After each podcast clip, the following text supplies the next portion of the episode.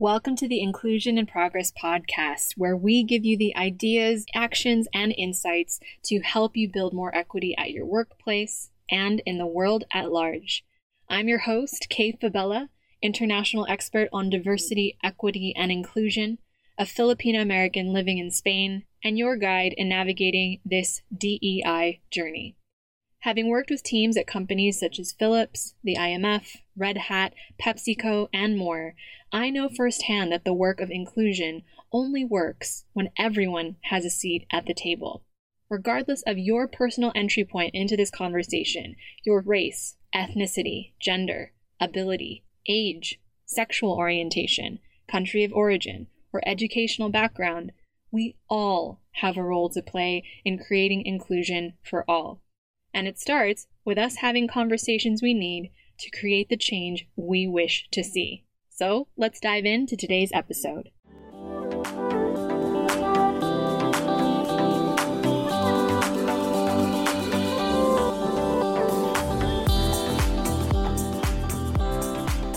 Hey there, friend, and welcome back to Inclusion in Progress.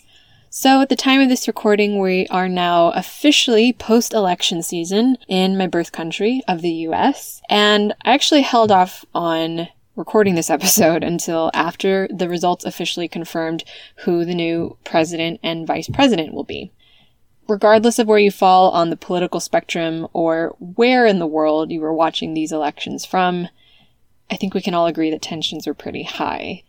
I saw more than my fair share of virtual community circles and gathering places and other things of that nature in an attempt to help people process the emotions of it all, led by actually some guests who were featured on this very podcast. Now, I've shared some of my initial thoughts on the election on LinkedIn, where I invite you to connect with me by searching for my name, K A Y, F is in Frank, A is in Apple, B is in Boy, E L L A, Outside of our podcast, it's the place where I'm most actively sharing content on diversity, equity, and inclusion, and the industry insights I'm seeing around the world. So again, head to LinkedIn to add me by searching for my name, Kay Fabella, and I look forward to connecting with you over there. Now back to the US elections. I want to be very intentional about how I'm going to enter this discussion today. As an American who has lived in Europe since 2010, I've voted in every single midterm and presidential election from overseas. I've sent in absentee ballots on local and state initiatives to my last place of residence, California. I believe that the men and women, especially those of color, who put their bodies on the line to fight for our right to vote are best honored by us engaging in our civic duty. And it's a right it's a privilege I care deeply about since, as an American citizen with Spanish residency, I do not have the right to vote in a country I've called home for 10 years, even if policies affect my status as a permanent resident and tax-paying business owner here.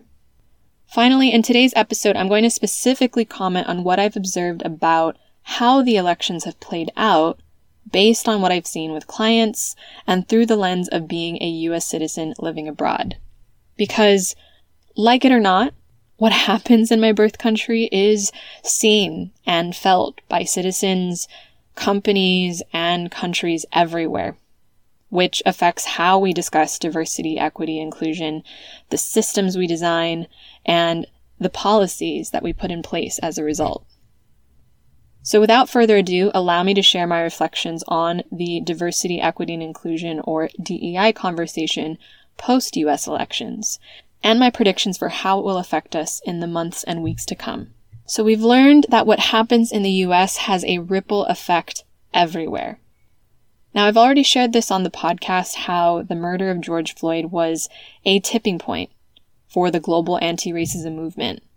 Not only were companies scrambling to hire chief diversity officers, D&I councils, and support their employees through the months that followed, individuals were reckoning with their own personal traumas and experiences with racism. One of the first videos I watched after the US election results came in was actually a reaction from a global team based out of Singapore dancing, whooping with joy, and chanting, America is back! America is back! The news coverage in my adopted country of Spain was almost as in depth as it was in the US media, to be honest. They dissected racial and identity politics, the role of Black and Latinx voters, the historic election of our first transgender congresspeople like Sarah McBride, even nodding to the critical role Stacey Abrams played organizing first time black voters in Georgia. So, this is now the second US election season that I've lived through abroad, and I felt the weight and magnitude of both of those presidential elections on my work and the world at large. What we do and how we act matters. Not just to us, but to citizens around the globe who work for American leaders or American led companies. On a personal level, it was jarring for me to go from interacting with non Americans anywhere I traveled saying, Oh, you're from the US? Go Obama! to, Oh, you're American? I'm so sorry. From knowing I had a leader who represented most of the ideals and values I fight for in my professional and personal life, to the daily anxiety under a leader whose words and policies directly threaten the lives of people I know and love across races, religions, sexual orientations, abilities, genders, and backgrounds. So when the election results came in, non Americans I know and work with messaged me to share their congratulations and relief. Over and over again, I heard, I feel like I can finally breathe again after four years. When you hear that relief, that exhale from a black woman in the Netherlands, a white woman in the UK, a gay man in India, a Christian man in Kenya, and a Latina woman in Spain, you're reminded yet again of just how much people are invested in the outcome of these elections because they know the direct effect it will have on their lives and livelihoods. The second thing that I wanted to look at was that with emotions being as high as they have been, psychological safety was really important. As November 3rd drew nearer, many of our clients were anticipating both the election results as well as how it would impact their teams, their overall company culture, and what their path forward would be. The current administration's policies repeatedly affected marginalized and historically excluded groups in the US, and many leaders across the globe took their cue from those policies and followed suit. Even for veteran DEI practitioners who tried to remain politically neutral, the very same employees our industry was advocating for in the workplace were the most threatened by circumstances beyond their control outside of work. What I've come to realize in doing this work is that there is nothing quote unquote political that doesn't affect each of us personally. Especially as ideological bunkers form and political views continue to feel more polarized. 2020 in particular has blurred the lines between personal and professional, and will continue to do so as we continue to work from home. So, what policies and choices affect us politically has now become personal, and therefore affects our professional performance. To deny this election's emotional impact on people is to deny our humanity and the very real, very palpable fear and anxiety so many experienced over this past year in particular.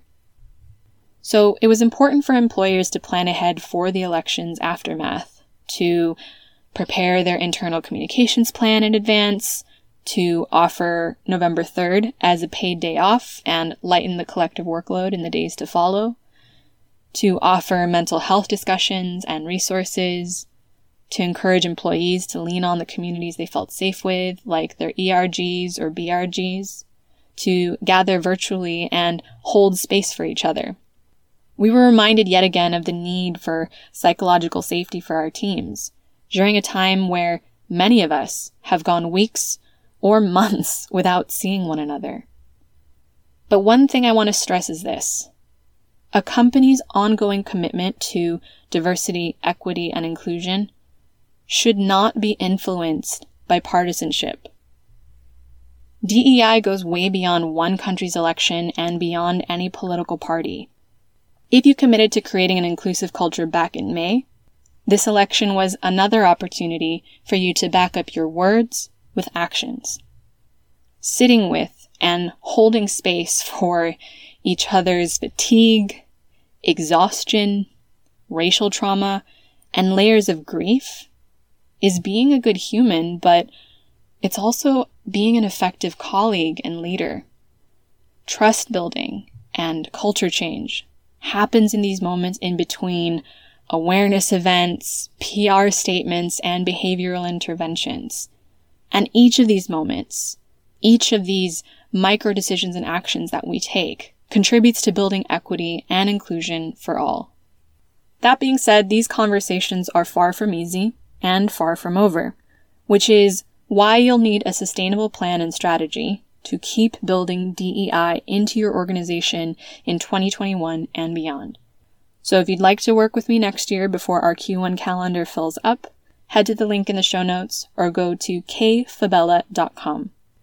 On our free consultation call, we'll assess the DEI readiness of your organization and outline an intervention that helps you build buy-in and momentum for greater equity and inclusion at work.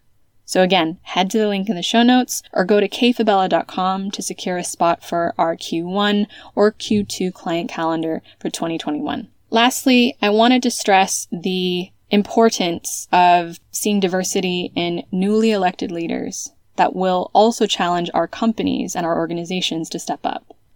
Again, regardless of where you fall on the political spectrum, the US elections were a game changer for representation in our leadership.